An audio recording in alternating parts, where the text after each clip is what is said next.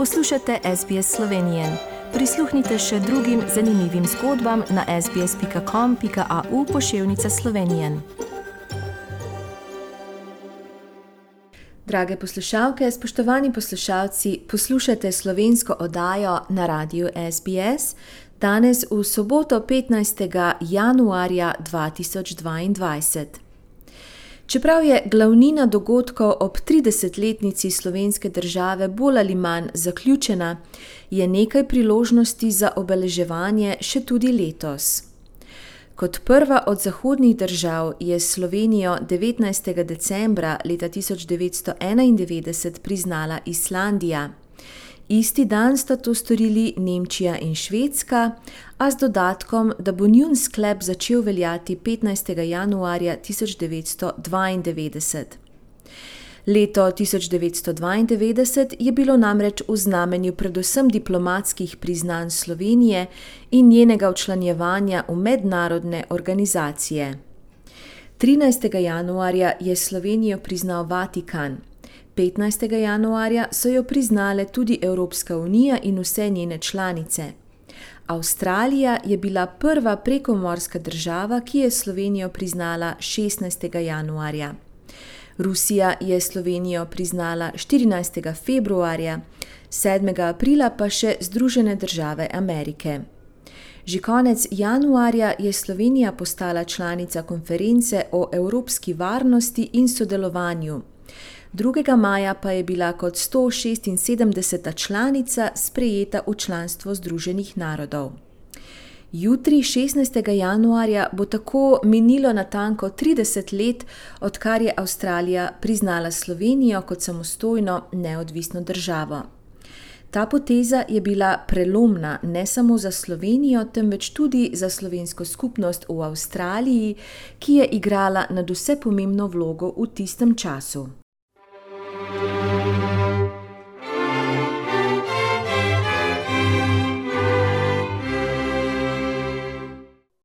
Drage poslušalke, spoštovani poslušalci, današnjo oddajo torej posvečamo priznanju Slovenije kot samostojne države strani Avstralije kot prve prekomorske države.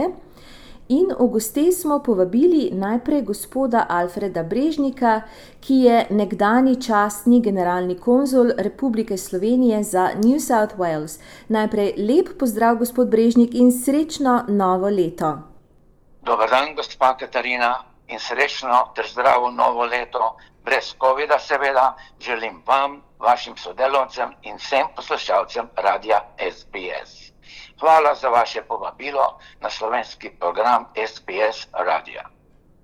Najprej me zanima, kako se vi spominjate tistih časov, ko je Slovenija postala samostojna in kje ste bili junija leta 1991, ko se je to vse skupaj odvijalo konkretno junija meseca ob razglasitvi samostojne države Republike Slovenije sem skupaj z mnogimi avstralskimi rojaki, ki smo kot delegatije Avstralsko-slovenske konference sodelovali na zasedanju Svetovno-slovenskega kongresa v Ljubljani, bil prisoten najprej pri razglasitvi v skupščini in naslednji dan na trgu Republike. Doživeti in biti priča obema dogodkoma je nekaj nepopisnega, enkratnega v življenju, če ti je dana sreča to doživeti. Nam, meni je bila. Za me je to bil eden najsrečnejših trenutkov v mojem življenju.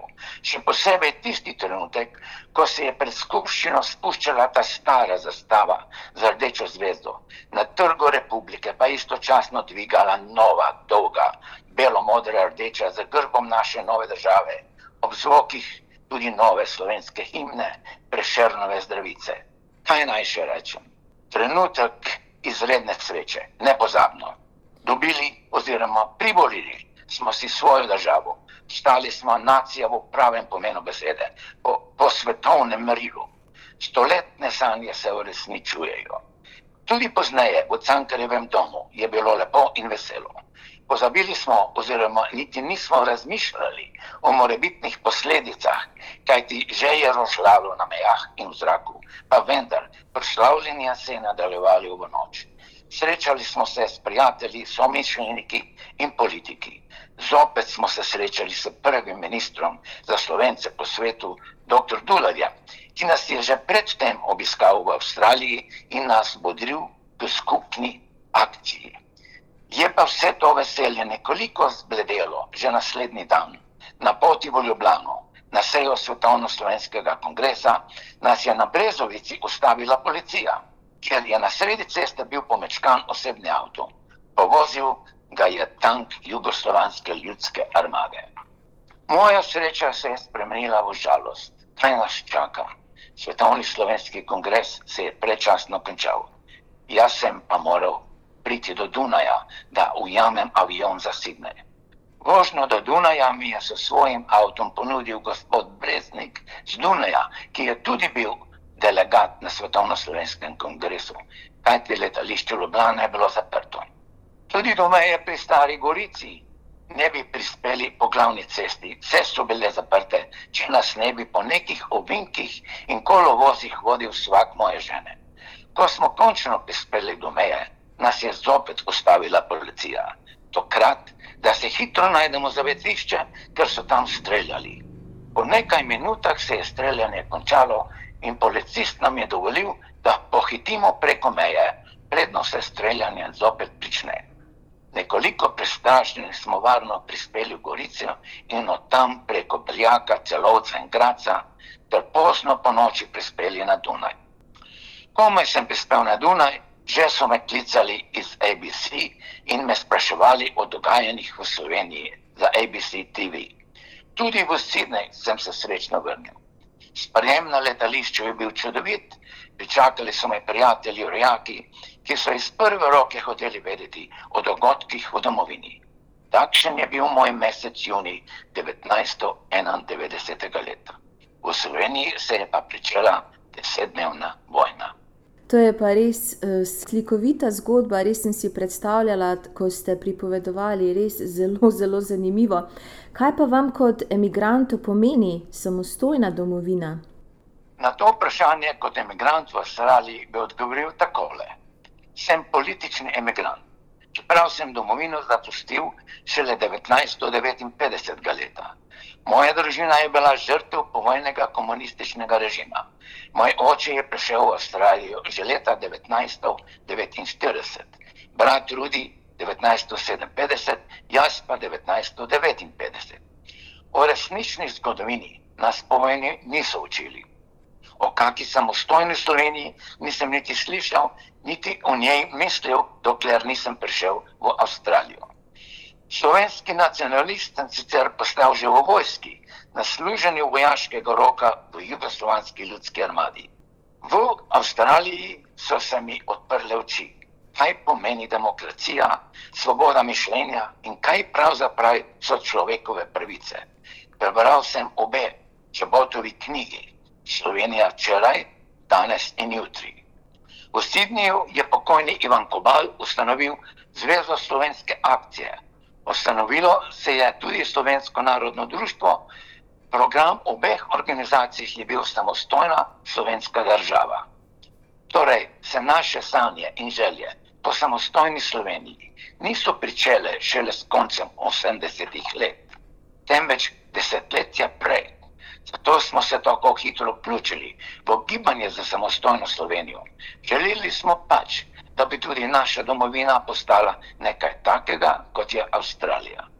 Po tem, seveda, nepopisnem veselju, da je domovina postala samostojna, kako se pa spominjate časa, ko je Avstralija končno priznala Slovenijo kot samostojno državo? To je torej bilo natanko pred 30 leti, 16. januarja leta 1992. Ja, to je jutri, 30. Ja. Naj tukaj omenim, da se je za priznanje Slovenije prizadevala večina slovenskih organizacij, od prvega društva za podporo demokracije v Sloveniji, katerega delo je pozneje prevzela Avstralsko-slovenska konferenca za svetovni slovenski kongres in mnogi posamezniki, ki so imeli dobre stike z avstralskimi politiki. Vse te organizacije so pa bile povezane preko naših lokalnih slovenskih medijev kot je bilo slovensko pismo in pozneje glas Slovenije, obe glasili pod uredništvom gospe Stanke Gregorič, ki je tudi sicer bila gonilna sila našega gibanja v Avstraliji. Velika podpora so bili mesečnik misli in naši duhovniki frančiškani. Vsi so se prizadevali pri avstralskih politikih in lobirali za Slovenijo. V Avstralijo je prihajalo vse več slovenskih ministrov, ker so čutili, da so nam avstralske oblasti naklonjene. Zonani minister dr. Rupel se je srečal z avstralskim zonanjim ministrom profesor Gareth Evansom, navezala sta dobre stike. Predsednik vlade Bob Hawke je med obiskom slovenske in hrvaške delegacije pri njemu v pisarni obljubil, da nas bo priznala Evropska unija ali vsaj ena izmed večjih držav, kot naprimer Nemčija ali Francija, nas bo Avstralija ne budoma priznala. No, Bob Hawke je na volitvah decembra meseca 1991 izgubil in naselil ga je Paul Keating, ki pa je obljubo predhodnika izpolnil in Slovenijo je Avstralija priznala en dan za Evropsko unijo. To je 16. januarja 1992. Torej, jutri bo 30 let od avstralskega priznanja Slovenije. Zato lahko zopet rečemo: Hvala, Avstralija. Je pa predsednik Republike Slovenije, gospod Borod Pahor, ob 22. obletnici leta 2014, v zahvalo za pomoč pri priznanju Slovenije odlikoval kar štiri avstralske politike z uredom za zasluge. Med njimi profesor Gareth Evansa, takratnega zonalnega ministra, gospoda Filipa Radoka, bivšega ministra za migracijo in multikulturo, gospoda Paula Feilinga, zvezdnega poslanca iz Zahodne Avstralije, in gospoda Johna Aquilino, bivšega spikerja New South Wales parlamenta in velikega prijatelja Slovencev. O priliki 20. obletnice državnega praznika Republike Slovenije sem v New South Walesu parlamentu gospodu Paul Kittingu podaril knjigo avtorice Drage Geld od sanj do resničnosti oziroma From Dreams to Reality. In zakaj mislite, da je pomembno, da nas je Avstralija priznala? Avstralija je pomembna država v Pacifiku. Je poleg Nove Zelandije edina država, kontinent z zahodno demokratično ureditvijo, kulturo in vrednotami, članica britanskega Commonwealtha in gospodarsko svetovno pomembna. Za nas je tudi pomembna zaradi vloge, ki jo ima v Pacifiku. Naše veleposlaništvo pokriva velik del pacifičnih držav, kar je tudi pomembno za razvoj našega gospodarstva v tej regiji.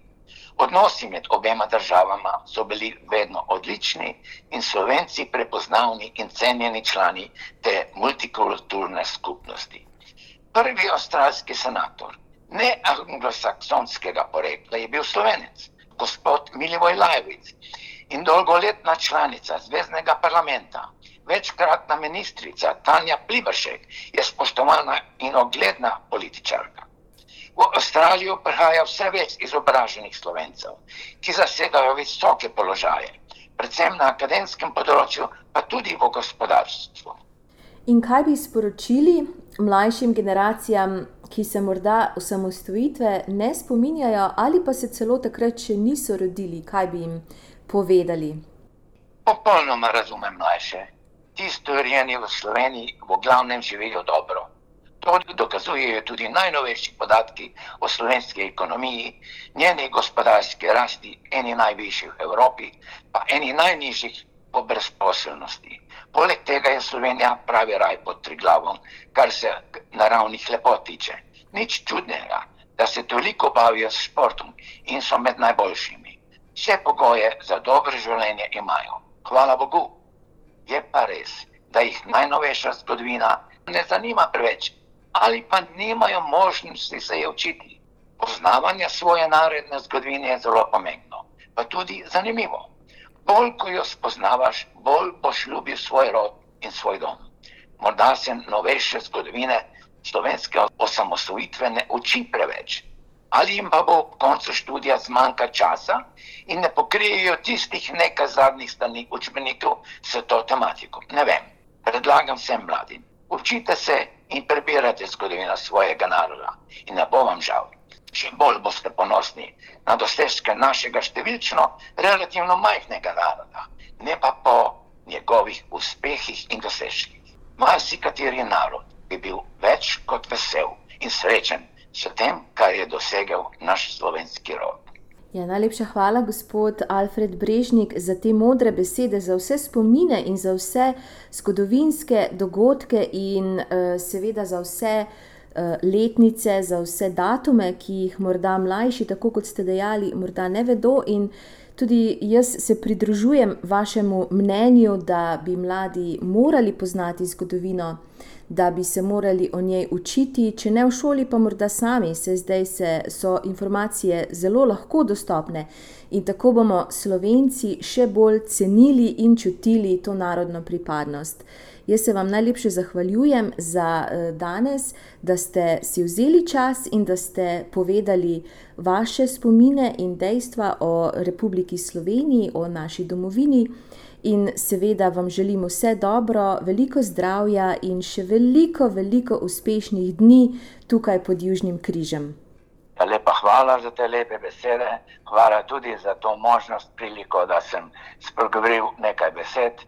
Um, je pač tako, mi starejši eh, čutimo, še vedno živimo v tistem obdobju, ko nismo imeli tega, kar imamo danes. Zato mislimo, da mladi še ne cenijo v taki meri, ampak sem prepričan, da z leti bodo spoznali, kaj je Slovenija in da so lahko zelo, zelo ponosni in na njeno zgodovino. Hvala lepa še enkrat in vse dobro. Všečkaj, deli, komentiraj. Spremljaj SBS Slovenijo na Facebooku.